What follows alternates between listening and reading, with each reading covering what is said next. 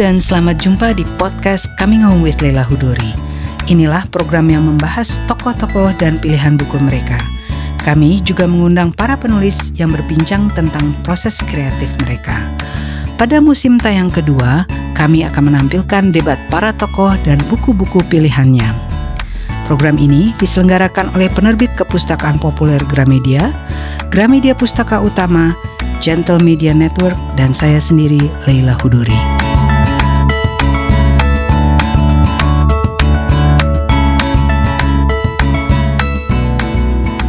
Halo, selamat berjumpa kembali di program Coming Home with Leila Hudori.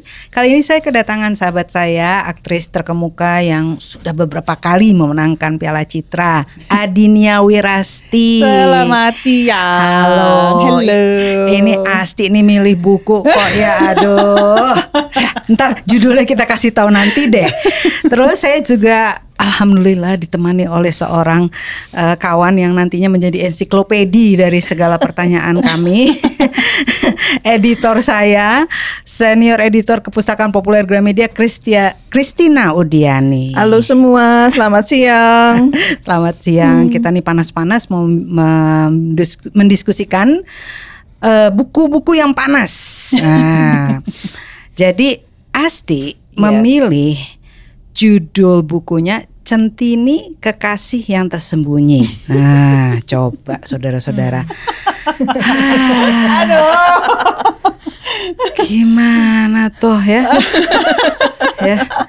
Jadi uh, karena Asti memilih uh, sebuah buku yang tebalnya 447 halaman ya, sesuatu yang diperas dari 4000 halaman yang aslinya saya juga jadi mencari satu buku yang ya kira-kira ada elemen-elemen erotisme uh, judulnya Mahabharata. Saya cerita dulu ya, ya. Mahabharata. Ini Mahabharatanya uh, saduran Ramesh Menon. Tentu saja kita tahu aslinya uh, bukan Ramesh Menon ini penulis India yang masa kini masih masih muda dia 40-an umurnya.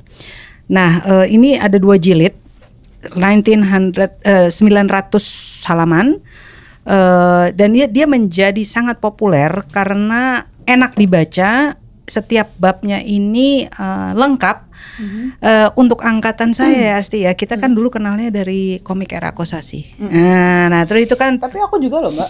Oh ya, oh, oke. Okay. Aku kenal Mahabharata Barata Yuda. Pokoknya se, itu semua tuh dari dari era Kosasi dan Teguh Sentosa. Ya, nah, benar dari situ. Nah kita karena kenalnya dari situ, terus kan setelah dewasa nyari yang aslinya. Asli. Namun yang aslinya yang dulu saya temukan tuh Pelal tuh nggak lengkap.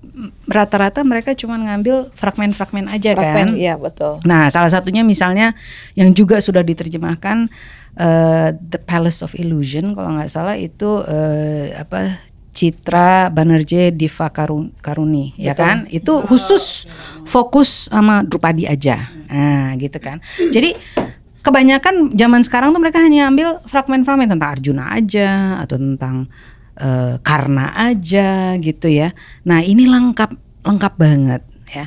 Nah kenapa saya mengambil ini untuk ya sedikit mengimbangi pilihanmu itu uh, karena memang kalau Mahabharata yang ya so called asli ini saduran sih tapi cerita lengkapnya juga uh, memiliki elemen-elemen erotisme ya tentu saja yang dilakukan oleh Arjuna.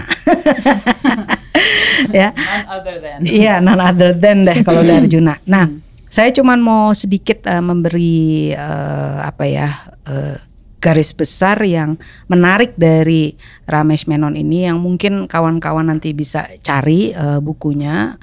Uh, ada tiga hal ya. Satu yang menarik karena itu menjawab pertanyaan saya ketika baca versi Indonesianya yang dulu era Kosasi.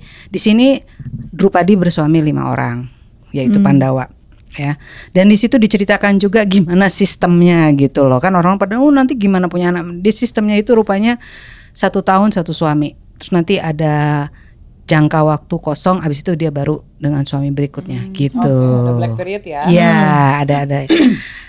Dan itu juga menjawab pertanyaan saya kenapa Arjuna tiba-tiba harus exile kan kalau di komik tiba-tiba dia exile aja gitu loh dia pergi belasan tahun mencari apa sih kesaktian dan sebagainya tapi di sini dikasih tahu penyebabnya gitu uh, apa penyebabnya adalah karena uh, Arjuna nggak sengaja um, apa sih masuk ketika Drupadi sedang dengan Yudhistira. Hmm. Jadi mereka oh. ya jadi ada perjanjian di antara mereka berlima kalau sampai nggak sengaja atau sengaja mereka apa ya mengganggu keintiman itu yang mengganggu itu harus self exile gitu. Hmm.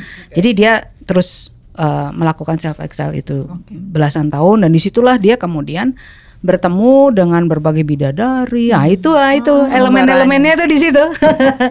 oh, itu yang kalau di lakon Jawa itu yang dia ke um, laut, gunung, ada yang ya, laut ke juga. kayangannya Betara Indra ya, itu kan? Betul, iya. betul ya, banget, okay, betul okay, banget. Okay, okay. Udah gitu ntar dia ketemu sama pa, eh, para dewi laut, udahlah macam-macamnya. Yeah, yeah, yeah. Pokoknya itu segala perempuan, segala perempuan bentuk. segala bentuk dan segala dari berbagai uh, jagat.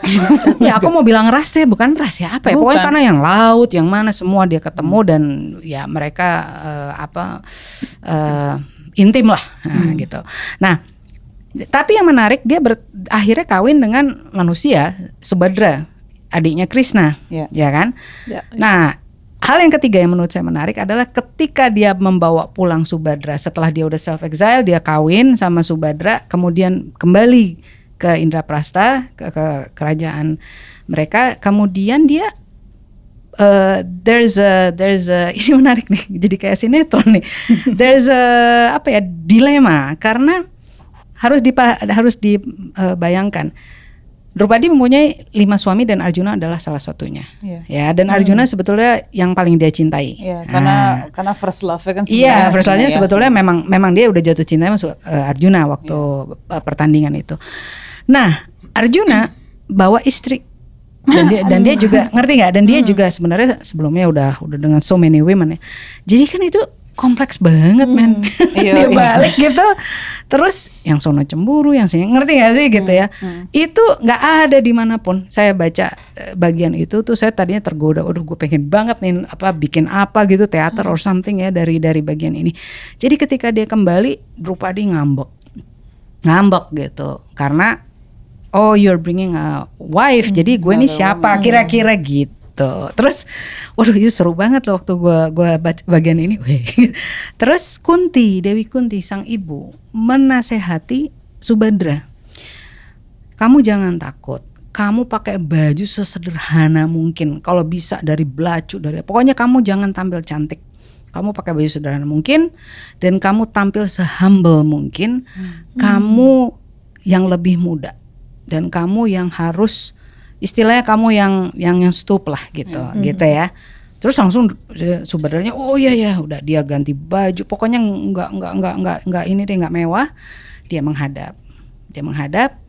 Terus uh, dia bilang saya saya sumba, uh, hamba Subadra lalalala langsung betul juga tuh Kunti begitu dia melihat Subadra langsung dia peluk dia hmm. si kun, si Drupa dipeluk dan dia mengatakan bahwa aduh kamu cantik sekali pantesan aja Arjuna wah yeah. gitu hmm. marilah duduk terus si Arjuna langsung diusir sana sana lucu banget lucu banget bagian itu wah itu udah gitu si Arjuna malah yang Oh oke okay, gitu yeah, terus ya yeah. udah dia hmm. pergi uh, terus um, tapi uh, ada lagi pertemuan malamnya dia mengatakan kepada Drupadi bahwa apa pun yang terjadi kamu tetap cinta cinta pertama saya gitu. Hmm. Saya menarik sih ngomongin cinta pertama Arjuna tuh kayaknya nggak akan pernah ada ujungnya gitu karena ada beberapa cewek-cewek yang lain. Oh. Ada ada beberapa dalang yang percaya bahwa sebenarnya cinta pertama Drupadi adalah Banowati.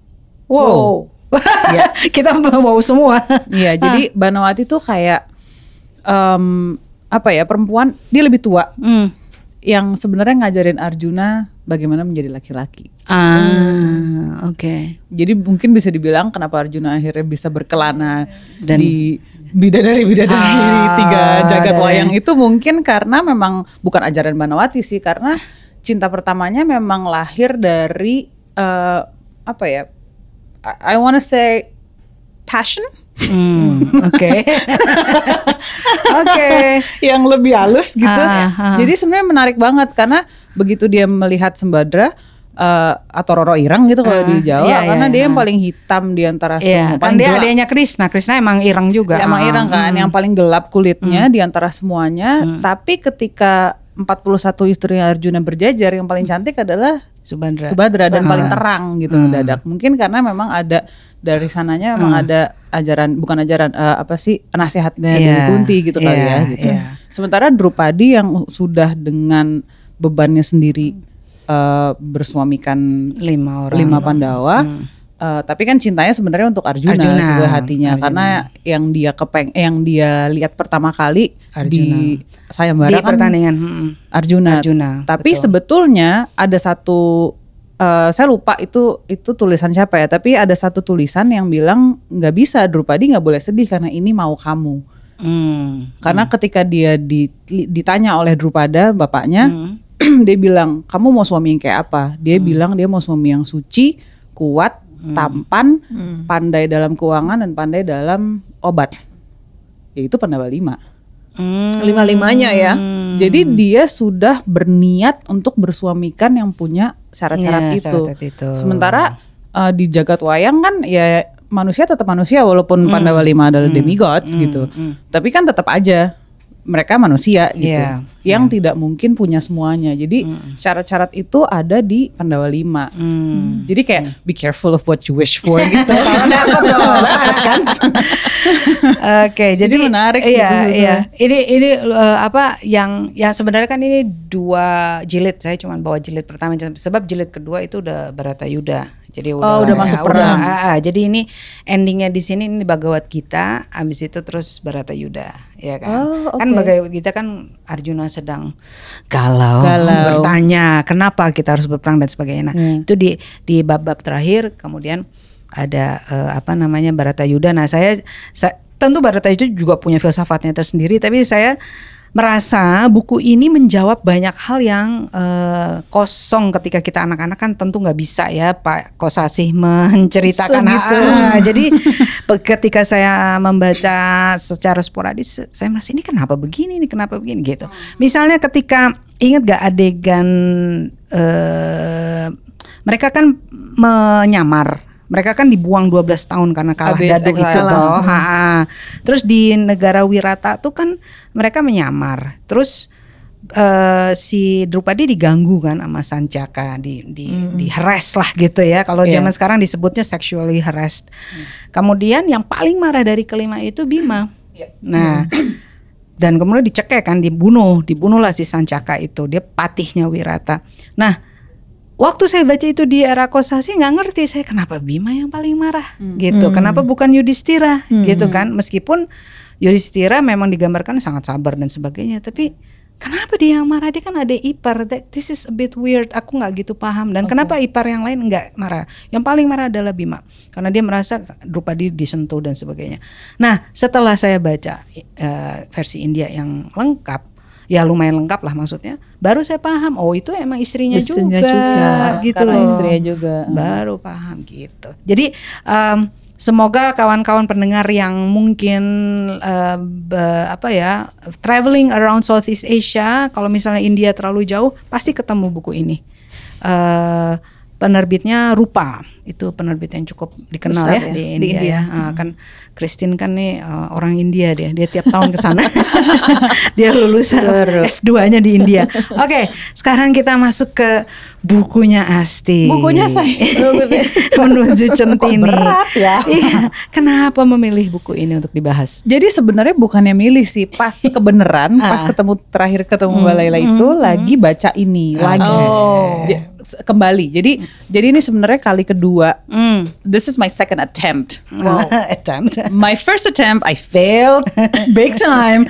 Um, waktu itu masih tahun 2009. 2009 2008 gitu mungkin ya aku baru pulang dari sekolah dari LA. Terus lagi nyari em, sebenarnya awalnya dulu banget lagi nyari lakon wayang eh, terutama Dewa Ruci. Hmm, Bima. Ya. Karena Dewa Ruci itu di again di komik nggak terlalu diceritakan segitu spiritual atau transcendental iya, ya kan. betul. Dewa Iya. Ruci bener-bener cuman mengenai Bima ngelawan naga gede. Ya. sama dia masuk ke telinga. Masuk telinga, Udah gitu betul. aja kan terus sebenarnya kayak Oh ya "Hah? actionnya What?" gitu. kalau ah, kalau di untuk ke komik tuh pasti actionnya. Ya, uh, gitu. action aja Ah. gitu. Sementara waktu itu ada research yang lagi aku pengen tahu Hmm. gitu. Jadi dan teman-teman di uh, yang ber, yang berseni berkesenian di wayang tuh bilang lo coba baca Dewa Ruci deh. Hmm. Terus ketika lagi research uh, yang paling banyak ada itu dari Centini. Hmm. Dan ketika itu lagi lagi nyari Centini ini nyarinya di mana ya? Maksudnya bahannya siapa emang?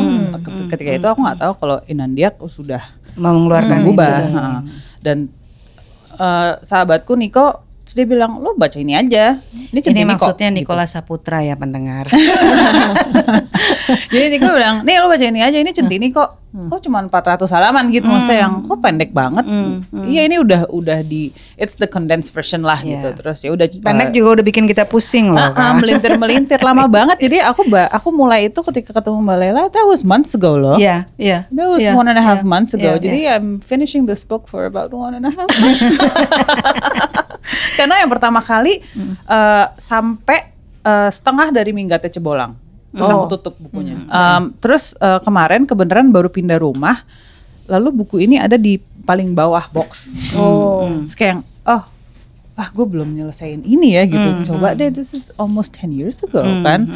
Terus mungkin eh, saya sudah dibekali semesta Oleh gitu. hidup.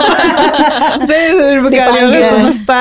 Um, jadi I think I'm gonna give this book another chance. Hmm. Terus pas udah baca mungkin kayak ada kali puluhan tembang gitu ketemu sama Mbak Lela dan Dian gitu Hmm. Ah. terus Dian kayak Mbak ini ini ini centini Eh, centini Kayak, "Hah? Wait, what apa gitu jadi kayaknya memang it's semesta berkonspirasi Iya, untuk supaya kamu membahas supaya ini ya. bahas atau Ah. menyelesaikan buku ini Iya. gitu. Jadi ada apa ya di baliknya sebetulnya? Kenapa sampai segitunya gitu? Jadi then ya udah aku berusaha Iya, untuk selesaikan walaupun memang terseok-seok dan melintir-melintir Iya, bacanya. saya begitu sama sebenarnya mirip-mirip saya mendapatkan yang versi awal dulu, kemudian bacanya juga agak ya setengah-setengah saya pikir oh my god karena sebenarnya sih banyak sekali soal-soal spiritualnya, Iya. tapi kan kemudian juga banyak soal fisiknya. Yes. Nah, eh, bukannya kita soalim sih enggak sih, cuman eh, terkejut-kejut lah gitu. Nah, mungkin saya kepingin tahu nih sama Christine yang eh, mengedit dan sebelum mengeditnya saya mau tahu kenapa KPG memutuskan untuk acquire this book dan menerbitkannya kembali dan kemudian Christine mengeditnya itu pengalaman ngeditnya gimana? aku pengen tahu rasanya apa sih? Iya memang benar-benar. eh jadi sebenarnya kita udah ketemu dengan buku Bu Elizabeth agak lama ya sebelum sebelum buku itu terbit. Hmm. Jadi kalau nggak salah tahun 2000 mulai 2000 awal 2000-an lah itu sudah Hmm. terbit sebetulnya. Nah kita melihat itu kenapa kita ingin sebenarnya kita menerbitkan kembali. Iya. Jadi kan ada penerbit eh, Kan udah- penerbit ini kan sebelumnya, penerbit sebelumnya. buku, ah, Hmm. kemudian KPG menerbitkan lagi. Mm-mm. Jadi kita melihat itu eh apa ya? Centini ini bagaimanapun kan dia seperti semacam ensiklopedinya Jawa ya. Iya. Gitu. Jadi eh, ketebalannya lumayan lumayan tebal sih. Eh, 4000 halaman, 4000 lebih Aslinya. halaman aslinya ya. Hmm, Kemudian dengan berapa tembang begitu kan? Sekitar 700 tembang itu. Dari situ aja kita melihat wah, ini memang sebenarnya sesuatu yang sangat penting. Betul. Tapi seperti lagi-lagi sesuatu yang penting itu kan belum tentu enak dibaca, Iya, gitu kan. iya, Jadi waktu kita eh, ketemu dengan bukunya Bu Elizabeth ini, saya pikir atau dan kami pikir itu ini memang semacam apa ya pintu masuk untuk eh, orang supaya kembali melihat kasanah yang kita punya begitu. hmm. Dan memang buku ini kan eh, ya tadi itu eh, cukup ringkas menjadi dari 4000 menjadi 400 halaman itu kan Hmm. hanya sepersepuluh dan disajikan dengan saya kira Naratif, naratif, naratif. Mm. dan indah ya. Ya. Beberapa bahasa di situ cukup indah sebenarnya Hmm. ketika dia menggambarkan bagaimana hening, bagaimana kegagahan Sultan Agung itu Hmm. bahasa yang dia gunakan itu cukup bagus di situ. Memang kemudian dari 4000 menjadi 400 itu pasti ada banyak bahaya gitu. Hmm. Nah, di sini salah satu yang kemudian orang men- me- mengira dan menangkap bahwa centini itu identik dengan jorok. Hmm. Ada itu. Karena bagian yang Dibahas. yang dibahas di sini terutama itu. Ah. Memang diakui oleh Elizabeth bahwa dari 4000 itu empat eh, bagian-bagian yang sangat ensiklopedik, yang sangat Dibuang. detail di- dia Dibuang. buang. Yang rumit-rumit dia buang. Ini saya kutip dikit ya. Eh, jadi aslinya 4.200 terdiri dari 12 jilid, 722 tembang dan 200 ribu bait. Iya, itu serat betul. centini ya. Betul, Serat serat centini yang centini. asli. ha-ha. Nah ini buku yang kita bahas judulnya Centini Kekasih yang Tersembunyi karena Iya. sudah merupakan cuplikan Iya. gitu ya. Oke. Cuplikan dan kemudian di situ eh, Elizabeth ada saduran ya. Dia Hmm, memasukkan saduran. memasukkan berbagai sumber ke tokoh-tokohnya Ke dalam, ya. ya, itu gitu. supaya enak dibaca lah gitu ya.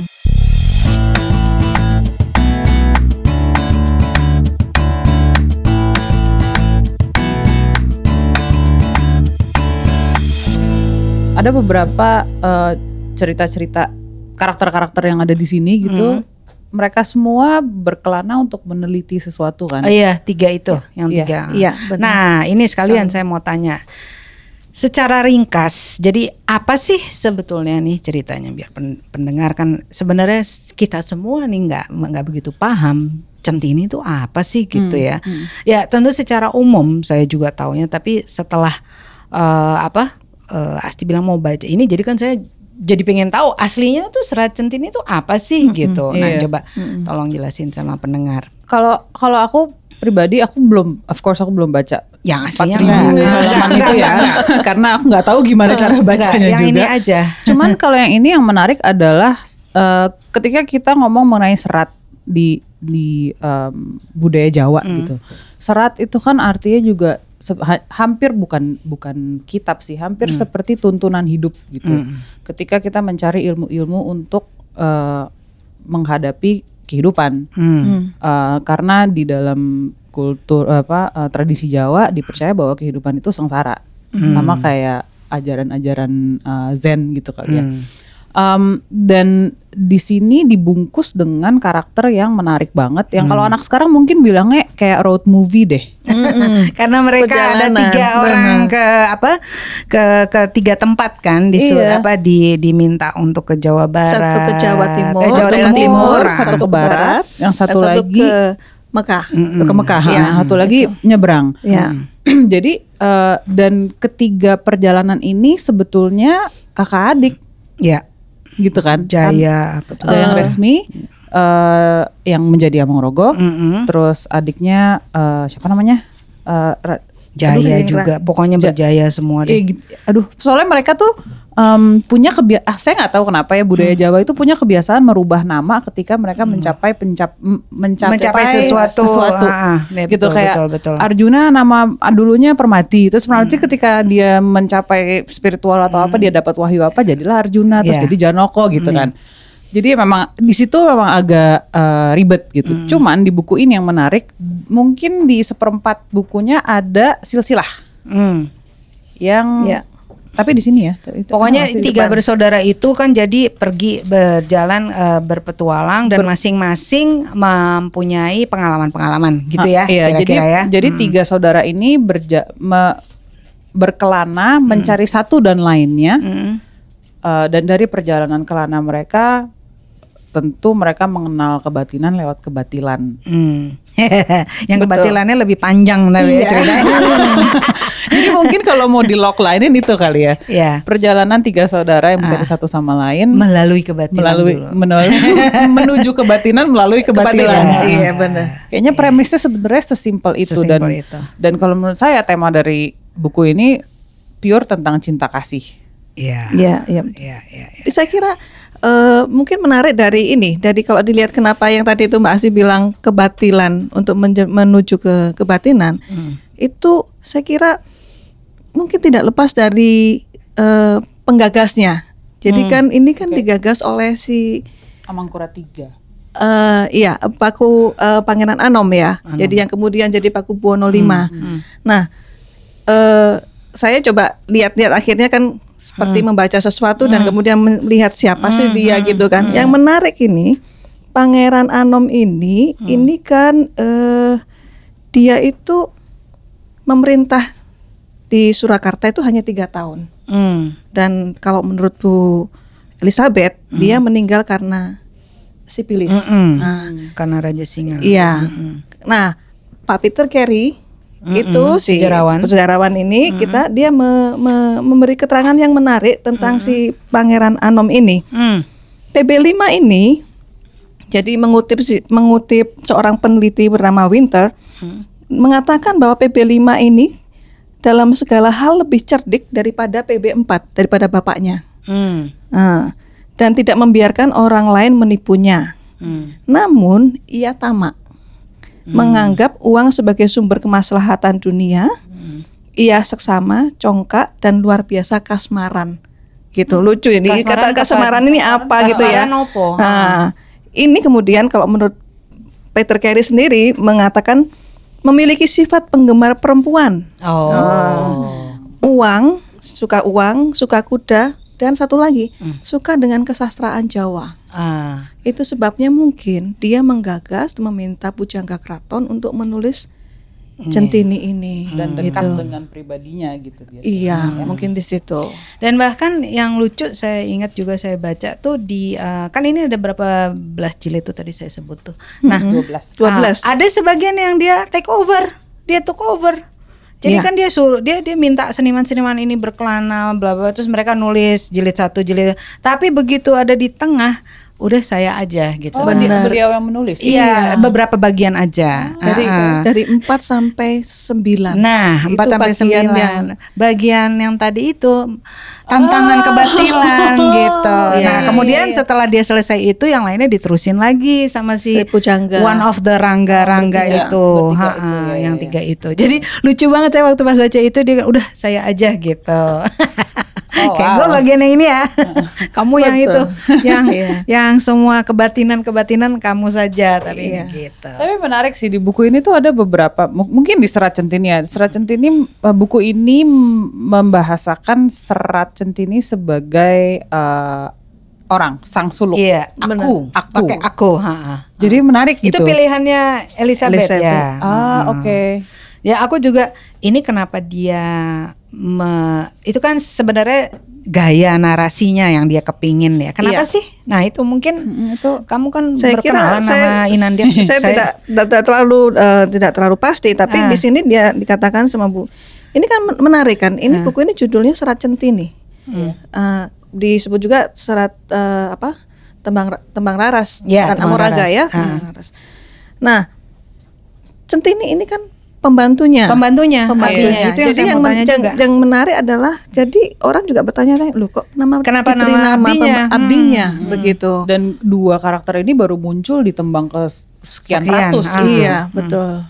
Nah, jadi saya kira mungkin ini soal eh, mungkin ketika eh, apa Bu Bu, Bu Elizabeth, Elizabeth. me- me- membuat aku ini jadi saya semacam me- mencoba mem- menarasikan ya, membuat Hmm. pembangunan bagaimana menarasikan itu sendiri. Saya kira ini tafsiran Bu Bu Elizabeth di awal buku ini uh, suara Iya nih, ini ada suara- kutipannya nih. Iya, pengakuan centini ini. Ah, ah, eh, kenapa dia eh, kenapa dis- dinamakan centini na- nama abdinya? Ya.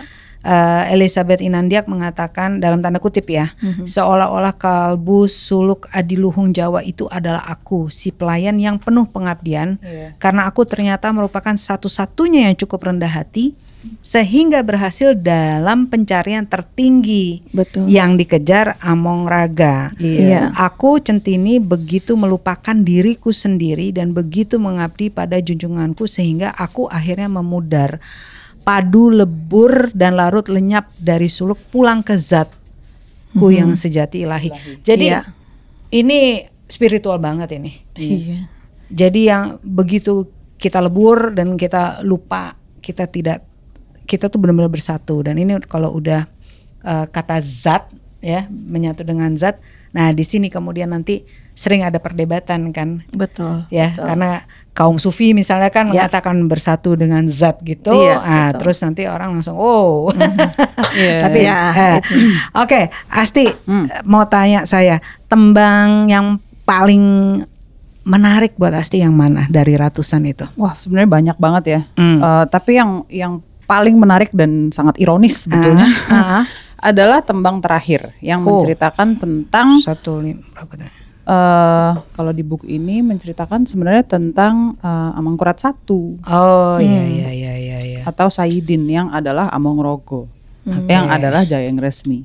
Iya. yang setelah melewati perjalanan kebatinannya dia memikul raganya sampai sedemikian rupa sampai ada satu ten- ada satu tembang saya lupa ada di mana di tengah-tengah dia sampai bilang sudah bosan dengan raganya tapi dia harus memikul raganya Em, kayak Yang da- akhirnya dia menitis itu. yang akhirnya dia jadi cacing yang terus menitis. dimakan oleh eh, Sultan Agung Hmm. Eh, lalu menjadi anaknya Iya, Hmm. iya. Sayyidin yang Saya adalah yang adalah eh, Raja Jawa yang paling bengis Bengis.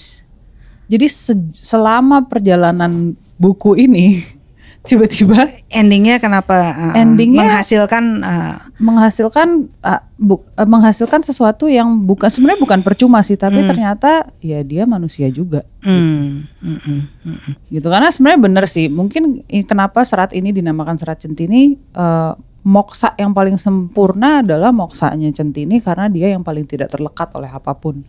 Dia tidak Kayaknya terlekat oleh uh, Asti harus menjelaskan sama pendengar atau kayak uh, orang yang sekuler kayak saya. moksa, moksa iki, moksa iki loh. Maksudnya kalau di dalam di dalam tradisi Jawa ada istilah namanya moksa di mana ketika kita sudah tidak hidup sudah meninggal gitu badannya su- hilang. Badan eh, em, jadi apa ya? Badan wadak ya. badan wadak. Ya, ya, wadak raga, raga, raga. raganya hilang gitu. Maksudnya eh, di sini diceritakan setelah Centini menikah dengan eh, Abdi yang di taman itu tuh. Aduh namanya siapa? Mau mod, modul. Mau kok modul? Aduh, namanya namanya siapa gitu di belakang. Malam pertama setelah mereka menikah Centini hilang Hmm, moksa itu moksa. karena sudah ya itu tadi yang terakhir nih yang berpadu lebur itu yang tadi. berpadu Oh, lebur jadi ini kembali moksa. kembali ke sejatinya ilahi Oh, gitu. oke, jadi oke. jadi Centini sudah melebihi cinta Centini terhadap Tambang Raras tuh Tambang Raras sudah melebihi Sudah. raganya Wah, sendiri gitu.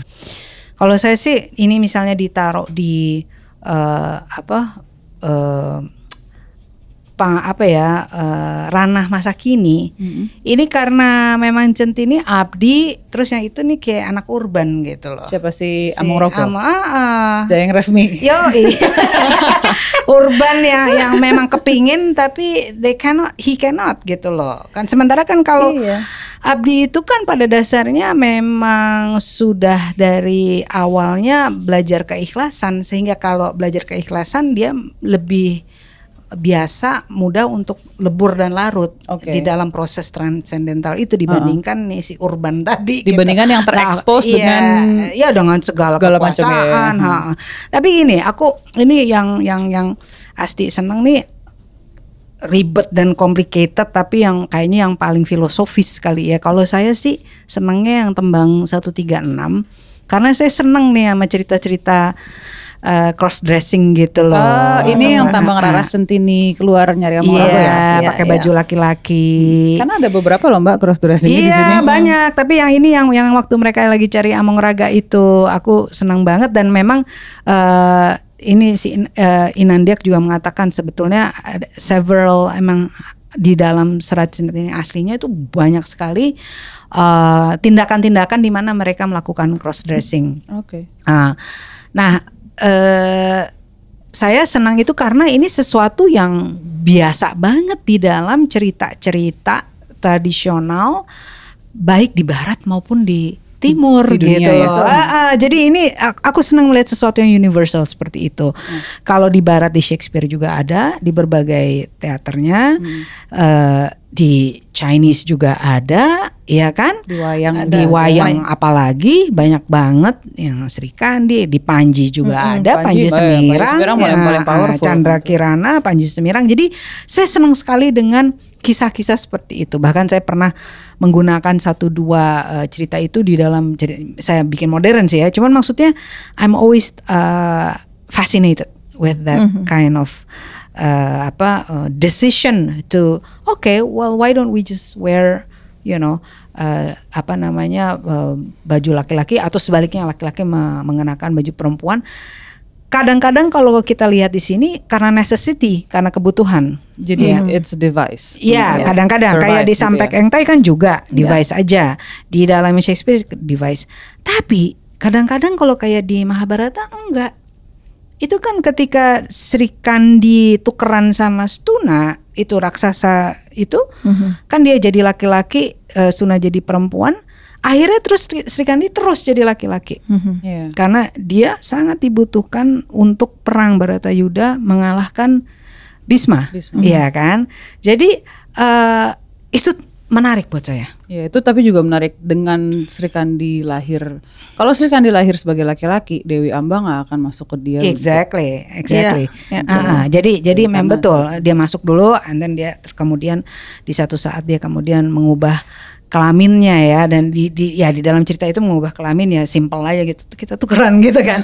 nah cuma maksud saya eh principle the principle of changing eh, gendernya itu tuh eh awalnya seperti necessity lama kelamaan enggak jadi permanen gitu loh. Itu menarik buat saya. It's it's it's something yang yang saya selalu curious gitu. Kenapa gitu. Nah, itu itu si tembang 136 itu yang menjadi salah satu uh, perhati saya bacanya sampai benar-benar uh, ini sekali gitu rinci banget. Kalau Christine apa? Saya, oh sebelum ke situ, Hmm. saya pikir mungkin eh, menarik yang kalau kita lihat dengan tadi itu ya, ada yang laki-laki, perempuan, Hmm, perempuan, dan itu semacam ada semacam eh, gender yang eh, tidak Fluid. tidak fluid ya, Yang gitu fluid. ya, gitu. Yang fluid. Ha, ha. fluid. Dan dan sebenarnya kalau kita lihat di di berbagai daerah di Nusantara itu Hmm. memang semacam bisa Iya. kita temukan di mana-mana Iya. ya, gitu ya. Bugis, Ila Bugis, Galigo kan benar. juga itu dalam itu. Ya. dalam kasana-kasana kita tuh kayaknya memang ada begitu. Memang Jadi sesuatu, yang, menjadi bagian dari betul. Jadi gender jadi- bukan hanya laki dan perempuan Iya, gitu tapi ya. ada beberapa gender lain. Betul, Iya. gitu. Nah, mungkin itu juga ah me- ketika kita melihat sekarang dengan kacamata yang eh, biner gitu kan, jadinya itu menjadi lu ini apa gitu Hmm. Iya, agak susah iya, gitu mungkin. Nah, kita saya terlalu kira- biner gitu. Iya, jadi mungkin di situ kelihatannya kalau kita kita membaca lagi centini ini kayak kita oke kita berpikir lagi Iya. gitu ya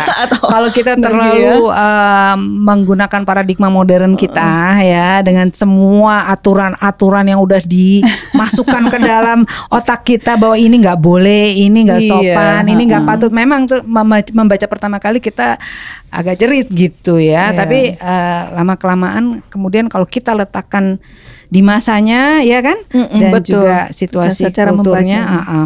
Nah tadi belum belum jawab ya Christine ya apa Uh-uh, yang tembang ya favoritnya. Saya tuh suka yang sebenarnya bukan tembang ya karena agak panjang tapi Ah. saya suka di ini bagaimana cara dia menggambarkan sesuatu. Hmm. Ini kan Oh, oh. eh, antara ya Oh, Sesuatu.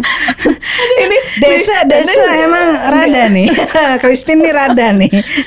bagaimana coba bayangin dia harus menggambarkan sesuatu yang sangat badaniah Mhm. di satu sisi ya kan dan badaniah itu tentu yang paling badaniah itu adalah eh, atau tentu tidak jauh-jauh dari pengalaman tubuh dan itu adalah pengalaman seks gitu kan Hmm. Tapi di sisi lain dia harus mengalami bahwa itu suatu yang spiritual gitu kan Hmm. jadi Ya terutama di 40 malam 40 malam satunya. Oh iya iya, iya, iya, Ah, iya, itu, 40 malam gitu. itu. Yang ada nyanyi apa ada semacam ya tembang sih gitu Iya, ya. tapi kan maksudnya itu cinta sejati banget gitu berarti Iya. kan Among Rogo dan Tameng Raras kan. Nah. Mereka menahan segala nafsunya untuk belajar. itu dia Mm-mm. Jadi kayak pengalaman tubuh itu menjadi sesuatu yang bukan kalau kita bukan sesuatu yang sekedar apa yang kelihatan gitu Iya, kan iya, itu itu iya, jadi iya. yang jadi kadang-kadang saya ini gimana ya mengatakan itu gitu. Tapi itu bagian yang paling cantik da- di buku ini sih kalau menurut aku juga. Iya. Iya. Kira iya. 40 hari itu 40 malam itu wah it's very beautiful and poetic gitu. Terus Iya. eh, aku aku juga kalau aku boleh nambahin eh, aku juga suka banget caranya eh, Elizabeth dan dia mengakhiri eh, masing-masing tembang dengan kalimat yang hampir sama. Yang selalu kembali ke centini lagi. Iya. Mm-mm. Jadi dia memang menempatkan centini ini pada sebenarnya Iya. Pusat. pusat tapi tidak tidak tidak tampak gitu Iya, ya. betul. Iya. Heeh. Jadi kayak dalang yang menggerakkan wayang gitu kayaknya. Enggak juga ya? Ada poin yang menarik tentang wayang, dalang, Enggak, kelir sorry, dan sorry. api. Bukan itu. Seperti ini loh. Eh pernah tuh GM nulis di catatan pinggir fungsi dari ini lagi ngomongin centininya ya. Gimana eh, di wayang yang Jawa terutama bukan yang bukan yang India. eh fungsi dari eh, tokoh-tokoh seperti Semar, ya seperti itu kan abdi semuanya Benar, kan, abdi ya punakawan, Punakawan. gitu yang kadang-kadang eh, di permukaan kelihatannya cuma untuk ngelucu-ngelucu, tapi sebenarnya mereka itu justru adalah para filsuf tanda kutip gitu loh. Nah saya kira eh, pentingnya centini itu itu gitu. Iya. Dialah memang yang sebenarnya ya filsufnya gitu, bukan Iya. si Iya. anak-anak urban tadi. Anak-anak urban cebolang, Iya. yang resmi. yang badannya tuh yang gue sebut urban aja deh gitu kan. Nah, nah, uh, aku mau tanya sama Asti sama Christine, gimana tuh tembang 128? Satu, Satu, dua, delapan. Buku Itu ke-9 buku sembilan. lah. Aduh, buku buku ke-9. ke-sembilan itu adalah- yang isinya syahwat Uh, gitu. Buku ke-9 adalah poin ter terbawah saya. untuk pembaca, eh, tuh ya, pembaca, gimana untuk ya, pendengar eh, sedikit eh, sedikit introduction ini tembang 128 yang eh, saya waktu baca tuh buka karena malu tutup lagi. Bayangin saya udah sedewasa ini gitu Malu ya, ya? tetap aja gitu bacanya. Iya nggak sih? Ah, ah, coba ah, kasih pendapat dong. ah, Asti dan itu tembak eh, buku sembilan itu menarik ya. Dari sebelumnya kita dibawa ke suatu yang kayaknya tinggi, sangat tinggi melayang gitu spiritual, ya, spiritual. rohani ya kan. Walaupun tidak tidak juga eh, sama sekali nggak ngomongin tentang kebatilan ya, cabul ya Iya, cabul aja gitu cabul. sebetulnya perjalanannya. Em, gimana mbak tadi? Iya, pe- pendapatnya. pendapatnya Pendapatmu.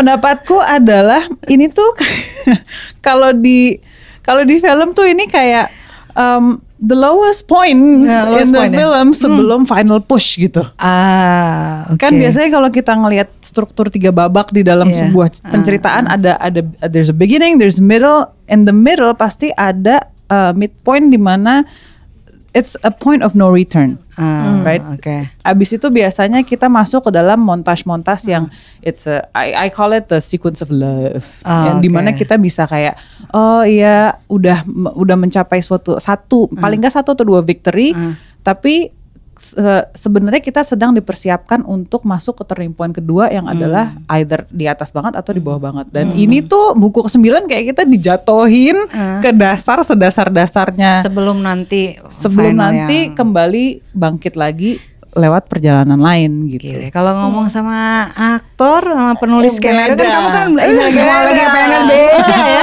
Pakai idiom-idiom film gitu. Karena lebih mudah gitu Gue dibanding gak kepikir tuh. karena lebih mudah gitu Iya. dibanding turning point dari transcendental thoughts. Ya, waduh udah gitu aduh, I have to take a nap Tapi itu ya. pertanyaan Mbak Lele. Mbak, tapi pertanyaan Mbak Lela itu Mbak Anu menarik sekali karena kalau saya baca di terakhir ini ya, saya nggak mau berpendapat saya sendiri karena saya ingat waktu itu bagaimana ketika saya mengedit itu bagian itu ya. Hmm, gimana tuh? Jadi ya, ya begitulah. Kok begitulah gimana? Gambarkan apa yang terjadi pada dirimu ketika mengedit tembang 128 yang penuh syahwat. Jadi kan posisi orang mengetik itu kan begini, Hmm. ya kan? Saya nggak bisa me- pasti Membungkuk. memungkuk. Hmm. Ketika itu agak mundur sedikit, gini kan? Agak dibaca lagi, ah kayaknya saya harus begini. nih. Mundur saya harus lagi mundur rupanya. lagi gitu kan. Aduh, ini mau diapain ini gitu kan? Karena buku ini tuh memang kalau di- dibaca didominasi oleh karakter karakter, karakter laki-laki. Hmm. Iya, iya. Tapi di 128 aku merasa energinya tuh perempuan banget. Iya, Iya. Tiba-tiba perempuan yang punya power. betul. Tiba-tiba perempuan yang punya apa ya, punya eh, ruang untuk explore Iya, betul. badaniahnya. Iya betul. ya kan? Iya Jadi, betul itu. jadi sebenarnya menarik tapi kata-katanya Iya, eh, itu itu eh, Gimana ya? saya rasa saya nggak akan berani menggunakan eh, kosakata yang yang ada uh, di terjadi dan bahkan saya mengucapkannya juga nggak berani. Jadi uh, kepada pendengar cari aja sendiri bukunya. ada di Gramedia, kemudian nikmatilah. Tapi yang ingin saya sampaikan ini uh, Elizabeth Inandiak ini kemudian membuat satu referensi katanya uh, penari Sawitri, penari topeng Losari hmm. itu um, katanya waktu nari ya um, dengan menggunakan apa sih uh, elemen dari buku ke-9 ini ya seperti gimana padahal beliau usianya waktu itu 70 tahun uh, tapi begitu tersentuh topeng gitu ya uh, menggunakan cita ini terus tiba-tiba dia seperti Jadi muda lagi. seorang muda, lagi, ya. muda dan pria Gagah, yang ya. gagah Iya, gitu. betul. Nah, itu menarik buat saya. Iya. Uh, apakah itu memang bagian dari te teaternya atau memang dia memang seperti merasa kemasukan uh, satu apa ya satu kekuatan? Saya nggak Iya, tahu karena saya orang yang nggak begitu paham dengan uh, apa hal-hal seperti itu. Uh, cuman ini menarik gitu. Iya. Ini ini ini salah satu yang mungkin Inandiak ingin mengatak ingin menyampaikan begitu berpengaruhnya tembang uh, buku ke-9 tembang Iya, 128 ini gitu. Betul, itu uh, Inandiak juga mengatakan di sini dia sendiri mengatakan bahwa oh saya sendiri harus menyiksa diri untuk mencebur ke dalam kosakata kasar sambil tetap membentangkan keanggunan bentuk kalimat. Dia bergulat untuk sampai Iya. ke saya kira tem- tembang 128 itu ya. Dia Iya. bergulat sekali karena menurut dia bagaimanapun berisi ajaran rohani yang cemerlang Iya. yang memang nah dia harus eh, tetap itu memilih bagaimana itu supaya tetap keluar gitu kan Tapi ini eh, apa ya? Eh, hak kehalusannya itu setelah melalui itu tadi kosakata-kosakata yang Tapi memang tiga, empat atau tiga alinea terakhir yang paling berat sih kalau Hmm. aku. ya. Terutama di tembang 128 itu ya. 127, 127 ke 128 tuh 127 tuh berat dan Iya. Aku agak pening gitu bacanya gitu karena itu tadi yang banyak karakter perempuan yang mendadak mereka they're embracing their womanhood Iya. and nggak ada malu, tidak ada nggak ada batasan gitu. Very like um, Menurut aku emang di sini nggak nggak nggak ada tuh istilah eh, apa ya? malu gitu ya? Shame gitu nggak? Emang memang enggak, emang lepas, Lepas gitu aja ya. ya, Ya, Lepas. sesuatu yang Ah, ah. sesuatu yang memang sesuatu ya yang begitulah. memang buat mereka ini nature gitu. Right, Ha-ha. yeah, kita kita yang yang mempunyai batas-batas malu, shame gitu-gitu tuh Yeah. kita gitu. Yeah, that's Dia you're totally enggak. right. Nah, Mm-mm. Karena dari cebolang, dari minggata cebolang juga udah, udah Tuh. mulai kan tuh. itu yang cebolang ber eksperimen aku udah udah udah nggak kuat deh cebolang nih beneran gitu loh aduh halo saya Leila Hudori saya adalah penggagas dan host podcast Coming Home with Leila Hudori kami sering menerima pertanyaan dari pendengar yang terinspirasi untuk membuat podcast. Gimana sih cara membuat podcast dengan mudah?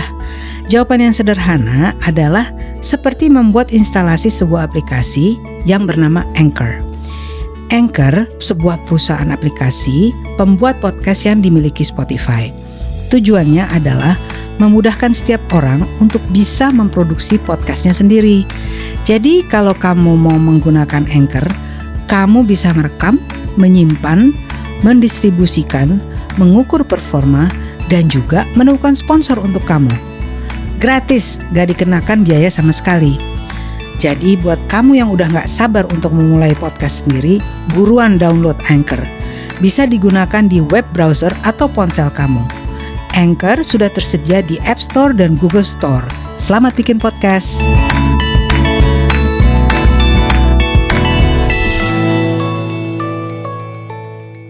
Oke, eh, ap- ada lagi nggak yang yang menarik dari tembang-tembang yang lain? Tembang 152 yang ter- terakhir itu? Tembang terakhir, ya, itu tadi kan yang tadi udah bilang. disampaikan gitu. Ada lagi nggak yang menarik? Mungkin Christine atau Asti? Eh, kalau aku suka banget ketika eh, te- Tembang Raras dan Centini akhirnya memutuskan untuk mencari Among Raga. Hmm, oke. hmm. Itu di, Ya, ya, ya. di di 136 tuh. Iya, itu Ya, yang pakai baju laki kan? Iya, itu Iya. yang pakai baju laki. Eh, jadi kan sebenarnya cross dressing di sini ada ada tiga yang paling besar Eh, cerita tentang eh, Kasanah, Mm-mm. eh, putri yang sangat cantik gitu yang sa- saking dia cantiknya tuh semua laki-laki yang melihat udah mikirinnya yang jorok-jorok aja gitu. Sampai akhirnya dia harus me- merubah dirinya sebagai laki-laki dan akhirnya menjadi raja yang paling eh, sakti gitu.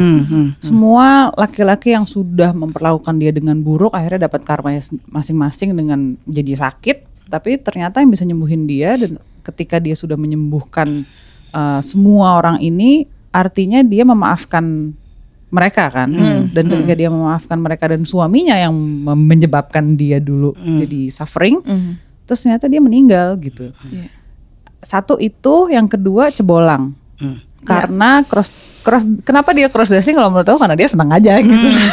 Jadi as shallow dia as that. dia memang dia paling menurut aku dia paling adventurous. Yes. Tokoh yang adventurousnya luar biasa. Apa pun alasannya ya. Iya. ya alasannya tapi dia waduh dia adventurousnya luar biasa. Yang menurut saya nggak tahu ya eh, apakah ini bisa difilmkan. Tapi saya membayangkan karena tadi udah nyebut film tokoh yang paling seru untuk menjadi tokoh sih si Cebolang, Cebolang, iya, gitu betul. loh ya. Jadi eh, Cebolang ini kan menarik dia. Sepertinya kalau kita lihat dia kan tokoh yang sangat-sangat eh, mungkin gambaran dia tokoh yang batil gitu ya. Eh, bukan Iya. bukan batil ya, tapi memang ini. Adventurous saya kira- adventurous ya. saya saya saya tidak tahu ya, tapi ada memang kadang-kadang membaca centini ini kita kayaknya saya harus lebih berhati-hati gitu. Saya terutama ada satu buku yang menarik yang mungkin bisa membantu kita membaca centini dan memahami ini. Kenapa ini seperti sangat-sangat sangat-sangat banal gitu ya. Tapi di satu sisi sangat-sangat eh, apa spiritual. Jadi eh, Cebolang ini itu mungkin buku keempat mbak. Saya, saya duga itu buku keempat yang Hmm, ditulis oleh ke si Cebolang. ya eh, yang ditulis oleh si eh, oh si, eh, Si Paku Pak- Bono ya Bu- eh, Paku Bono V. Jadi dan ket- mengapa dia menulis ini antara lain karena dia sangat eh, ada muak dengan salah satu eh, kekakuan ketika orang beragama. Hmm. Jadi gitu. Jadi jadi kita melihat ini ada semacam resistensi Hmm. gitu. Ada ter- resistensi terhadap sesuatu yang sangat-sangat eh, apa? sangat kaku gitu ya Iya. dalam kehidupan itu. Iya, iya, Begitu. iya. Nah, kita lihat kemudian pada bagi- eh, bagian akhir tidak cebulang lagi tapi di Among Raga. Among Raga ketika dia ditangkap Hmm. eh, kemudian dibuang Hmm. Iya. itu kan dia masuk ke bronjong itu dan tapi dia kemudian Hilang. hilang. Nah, Among Raga itunya kan tadinya masih masih tetap eh, mempunyai nafsu-nafsu ya Hmm, awalnya duniawi, gitu. ya. Tapi terakhir dia kan seperti setelah seperti ada perubahan. Ya. Kalau di cerita novel ada perubahan karakter gitu ya. character development Ah, dalam film juga nah, ini tampak bahwa eh, nafsu badani yang kita lihat nafsu badani seperti itu mungkin bukan sesuatu yang tampak begitu. Jadi kita ketika kita harus memahami itu agak susah hati-hati Hmm, iya secara itu. visual susah Iya, nah, iya, iya. satu lagi kenapa kita agak susah memahami ini? Centini ini awalnya kan tembang. Hmm. Eh, bunyi suara kemudian dia mendapat Suara yang larik tinggi. iya suara eh, dia mendapat suara, eh, suara lalu larik dapat mendapat liriknya dan kemudian menjadi teks begini nah mungkin ketika dari tembang menjadi teks ini tadilah pembacaan kita yang kemudian agak eh saya khawatirnya itu agak kadang-kadang kita kita pasti kesulitan karena tidak tidak bisa membaca literal Hmm. Makanya kalau dilihat eh, eh, Inandia ketika mem- menulis buku ini, dia harus berkali-kali me- mendengarkan mendengarkan tembang-tembang itu. Hmm. Tembang itu dia dengarkan berkali-kali, terus dia tema- sampai kemudian dia bisa memeras merasakan itu. Jadi Gitu. sebenarnya tembangnya tuh udah ada, maksudnya dalam bentuk lagu itu sudah Iya, jadi dia, ada dia rekaman dalam gitu. dalam apakah dalam bentuk rekaman saya kurang tahu tuh, tapi eh, dia itu kan awalnya tembang. Iya. Dimulai dengan tembangnya itu tembang po- eh, pucung. pocong. ha. Pucung itu pocong. Iya. Dan itu berarti kan akhir. Ya. Ma- mundur ke micil. Micil itu Oh, jadi bergeraknya mundur bukan maju. Hmm.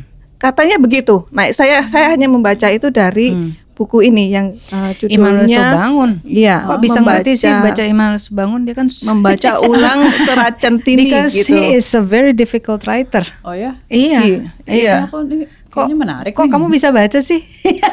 It's very difficult. Ada notesnya lagi. oh my goodness. Oke. Oh. Jadi dengan kesulitan, Mbak. Oh, oke. Membacanya dengan ke- Karena saya kesulitan kalau tinggi. baca kolom-kolom dia di Kompas dulu nggak pernah ngerti, susah banget. Tapi on that note Ah. ya, um, ngomongin cebolang, Mm-mm.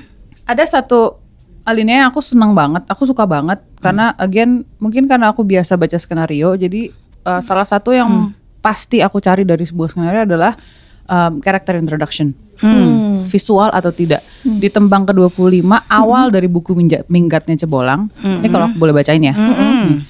Cebolang bertubuh luwes dan licin layaknya penari Ramayana dan berparas indah bagaikan gadis yang sedang mekar. Hmm. Keelokannya yang kabur telah membakar semua budi dalam raganya. Mm. Dan ini di luar kehendaknya sebab tiap kedipnya, tiap kial tangannya menyulut nafsu wanita maupun pria yang tersentuh olehnya walau tak sengaja. Hmm. Terus dari dari paragraf ini aja kita udah tahu gitu kalau cebolang ini adalah he or she kadang-kadang karena mungkin bahasanya kita kita kan nggak ada nggak ada gender ya gitu ya.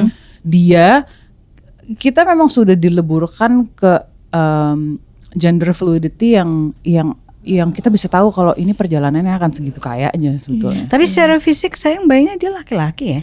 Laki-laki, laki-laki Iya, kan? Aku Ah. juga pertama kali nggak, oh ya ini udah pasti laki-laki. Tapi paragraf ini tuh kayak, oh wow, ke- Iya. keelokan manusia Iya, itu lebih dari laki-laki yang gendernya gitu. Indah, Heeh. laki-laki indah. Coba bayangin, tiap kedipnya, tiap kial tangannya menyulut nafsu manit- wanita maupun pria. Bayangin kayak apa itu? Heeh, tersentuh sengaja atau tak sengaja. sengaja. itu kan gokil ya, kayak wow gitu kalau Iya. disuruh me- apa kalau kalau di film tuh kebayang gak sih kar- karakter introduction dia baru masuk ke ruangan pertama kali how do you portray that in a Terus nanti ada tuh yang dia malam-malam tuh saya baca tuh malam-malam dia sama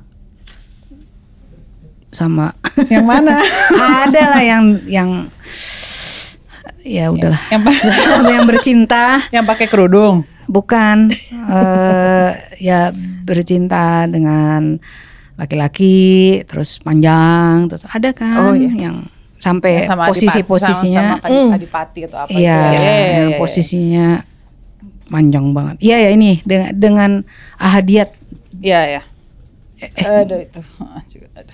Eh bukan bukan ahadiat tuh bapaknya. Pokoknya ada setelah di- diperkenalkan, kemudian dia eh, ya itu beberapa sequence of eh, percintaan dia lah gitu. Itu Ya, jadi dan tapi menariknya Cebolang di akhir tem- di akhir buku ini jadi karakter yang very halus. Itu dia. dia memang halus loh sebenarnya. Halus loh dia sebenarnya.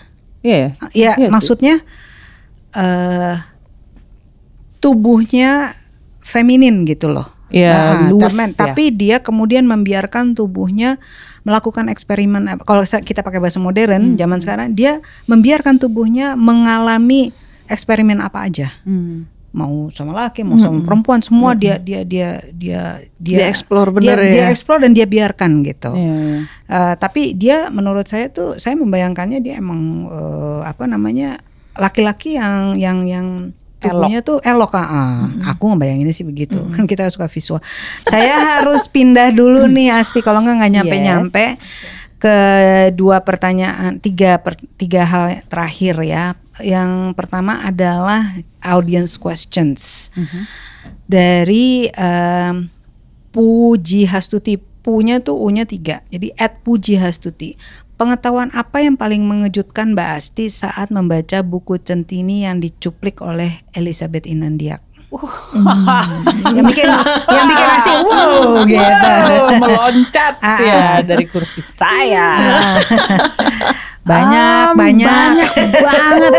Nomor satu itu adalah ketika kita masuk ke pagelaran Reok Ponorogo. Hmm. Itu kalau nggak salah ada di itu ada di mana ya? Itu ada di Cebolang atau ada di storyline-nya Eh, Among Cebol- Rogo ya? Aku agak lupa tuh karena begitu aku baca mengenai Reok Ponorogo dijelaskan bagaimana Reok Ponorogo di dipentaskan di desa itu ya dan buatku it was very gory. really It's gory. karena Don't you think?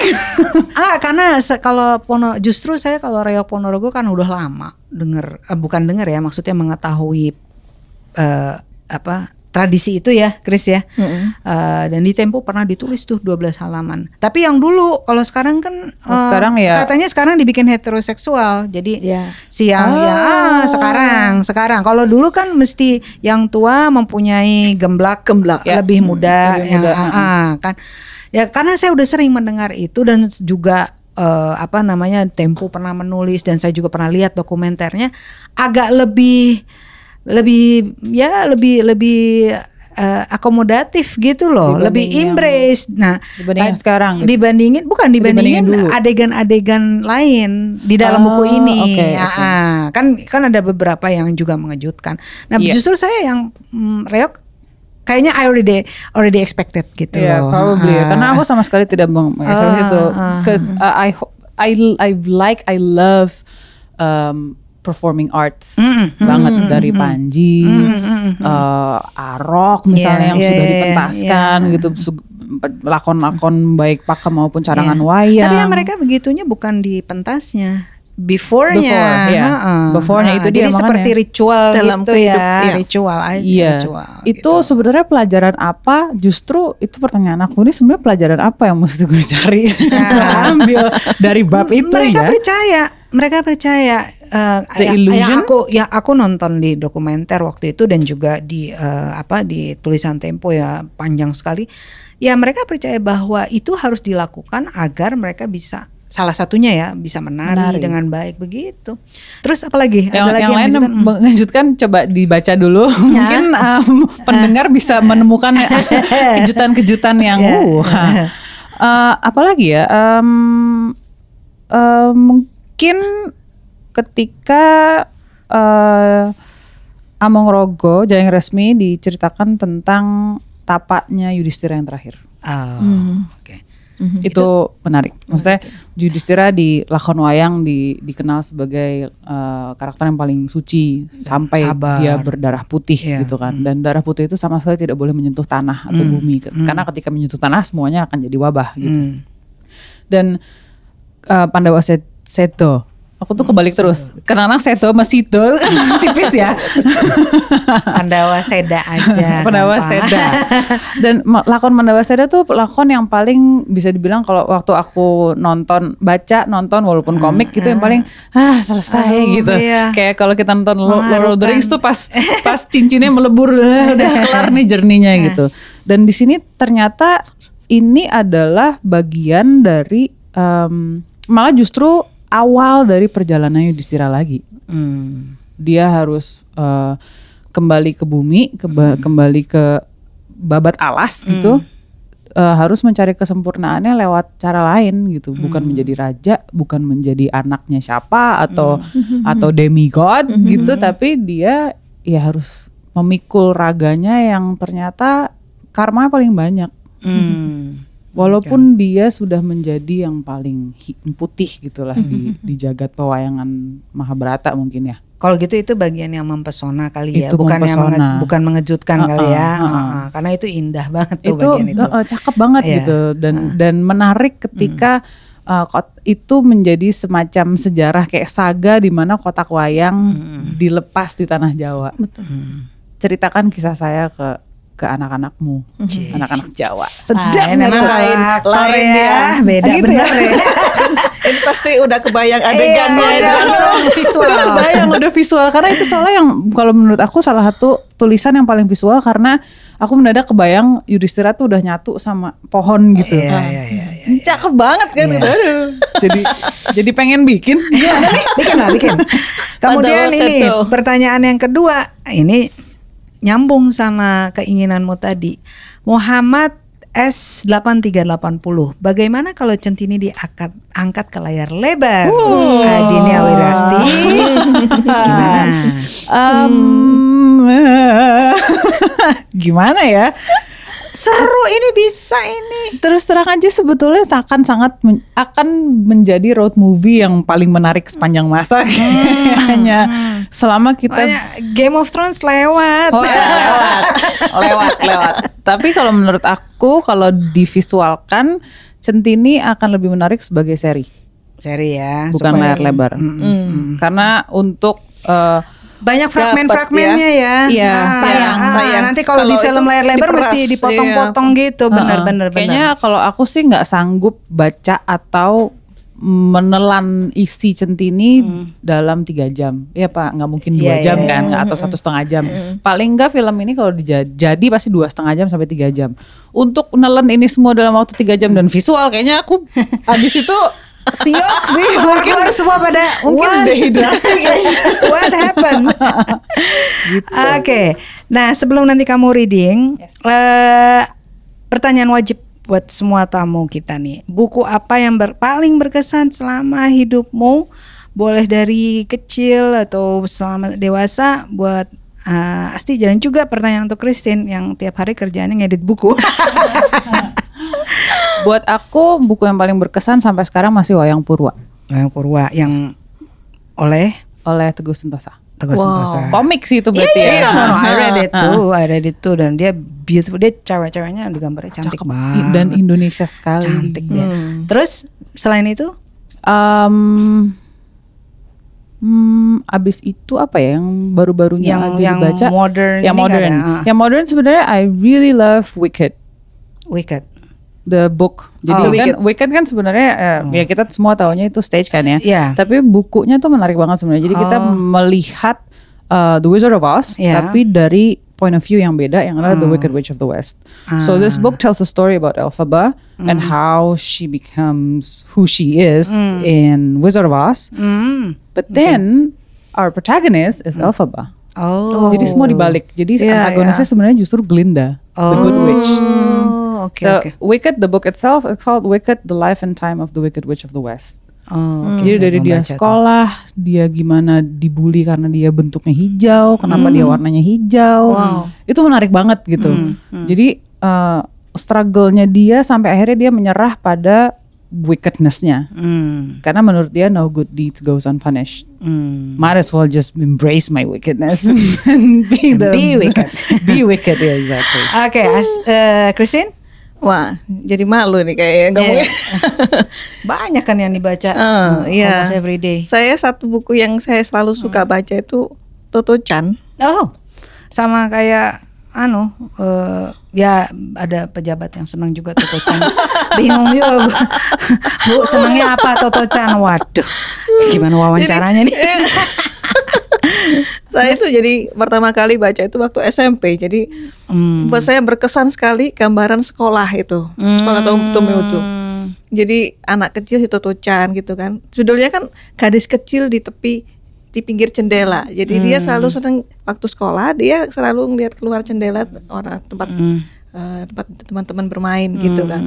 Jadi hidup dia sekolah itu eh, kalau sekolah yang biasa itu membosankan dan kemudian di sekolah itu dia punya kayak kelas yang bentuknya bis gerbong bis gitu. Jadi itu kayak waktu saya baca itu membayangkan aduh asik banget sekolah kayak gitu ya. Terus dia pulang sekolah dia nggak mau lewat pintu biasa dia pasti akan eh, melewati pagar pagar kawat gitu. Jadi dia akan turun gitu kan. Dengan lewatin pagar itu kayak saya bayangin kayak kelinci jadi pulang terus uh, terus dia bajunya agak sobek-sobek sedikit gitu pulang gitu. Jadi itu- itulah eh, dunianya Toto Chan waktu itu gitu. Kan. Ini kayaknya karena tiap hari biasa ngedit ya novel-novel gitu terus udah gitu ininya malah kepingin yang kayak Toto Chan simple- gitu yang simple dan simple yang menyenangkan ya. pusing gitu ya baca novel-novelnya Ayu Tami, Lela S. Hudori diedit-edit gitu ya puyeng gue baca novel lo tau nggak jadi gue milihnya Toto Chan curcol curcol Ternyata.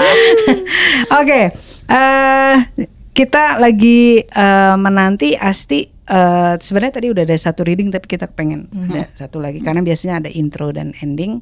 Silahkan Oke. eh, membaca. Eh, mudah-mudahan bisa berhasil mencari satu bagian yang readable untuk pendengar. Ini sebenarnya pendek-pendek sih karena di Oke. dalam buku ini uh, alinea-alinea tuh semua saling mendukung satu sama lain gitu. Iya, Jadi nggak nggak bisa berdiri sendiri gitu, Iya, sulit gitu. iya. Ada dua yang paling aku suka. Uh, manis sekali kalau Oh, menurut aku. Manis sekali. Yang pertama dari tembang ke berapa ini? 138. Wow. Oh, Oke, 138. go ahead. Apa yang kamu tembangkan? Kutembangkan pengembaraan luas batas, kelana gila-gilaan, tenunan bukan-bukan syahwat, dan ruh tanah Jawa. Kutembangkan ilmu kasampurnan yang dipula yang pula dikenal dengan nama ilmu kebahagiaan. Itu jawabnya Tembang Raras pada saat ditanya oleh anaknya dari Prabu Brawijaya ketika dia mengembara mencari Among Rogo. Jadi buat aku ketika semuanya kelihatannya semuanya kehilangan dan semuanya sakit hati gitu di di buku ini. Uh, tapi Tembang Raras tetap berpegang teguh pada cintanya untuk Among Rogo yang nggak nggak akan pernah pudar gitu. Jadi ini menurut aku manis banget dan sebetulnya alinea pendek ini adalah serat centini. Jadi menarik banget gitu. Hmm. Sebenarnya pendek banget gitu. Yeah, apa sih yeah. serat centini itu apa sih ya ini hmm. gitu. Satu lagi? Ada. Satu lagi um, ini suratnya Amung Rogo ke ke Tembang Raras dan sebenarnya dikutip juga di buku. Hmm. Kekasihku, di jalan ada jumpa dan sua kembali tetapi kita berjalan sendiri-sendiri. Kupikul ragaku menempuh kemagahan suluk, dan kamulah tembang laras suluk itu. Kau mengira aku pergi, padahal aku mengembara di dalam dirimu. Oh, manis banget. Cinta. Jadi kalau ngebagian itu kayaknya kita merasa nggak ada tuh ya. Gak ada tuh. Jadi kayak wah centini kekasih yang tersembunyi. Oh. Terus begitu baca, wah. What is going on? Am I reading this right? gitu.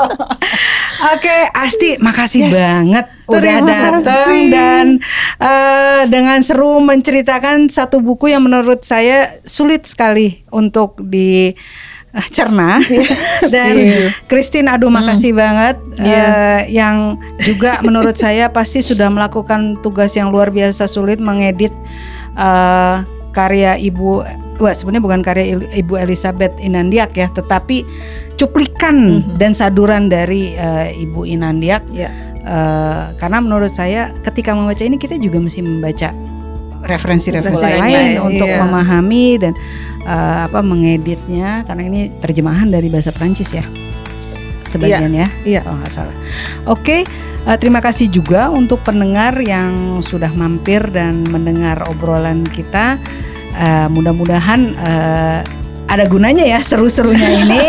uh, sampai jumpa lagi di Rabu yang mendatang. Bye bye.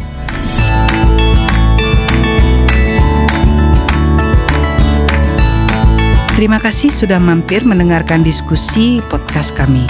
Jangan lupa tekan tombol subscribe atau follow di mana pun Anda mendengarkan program ini.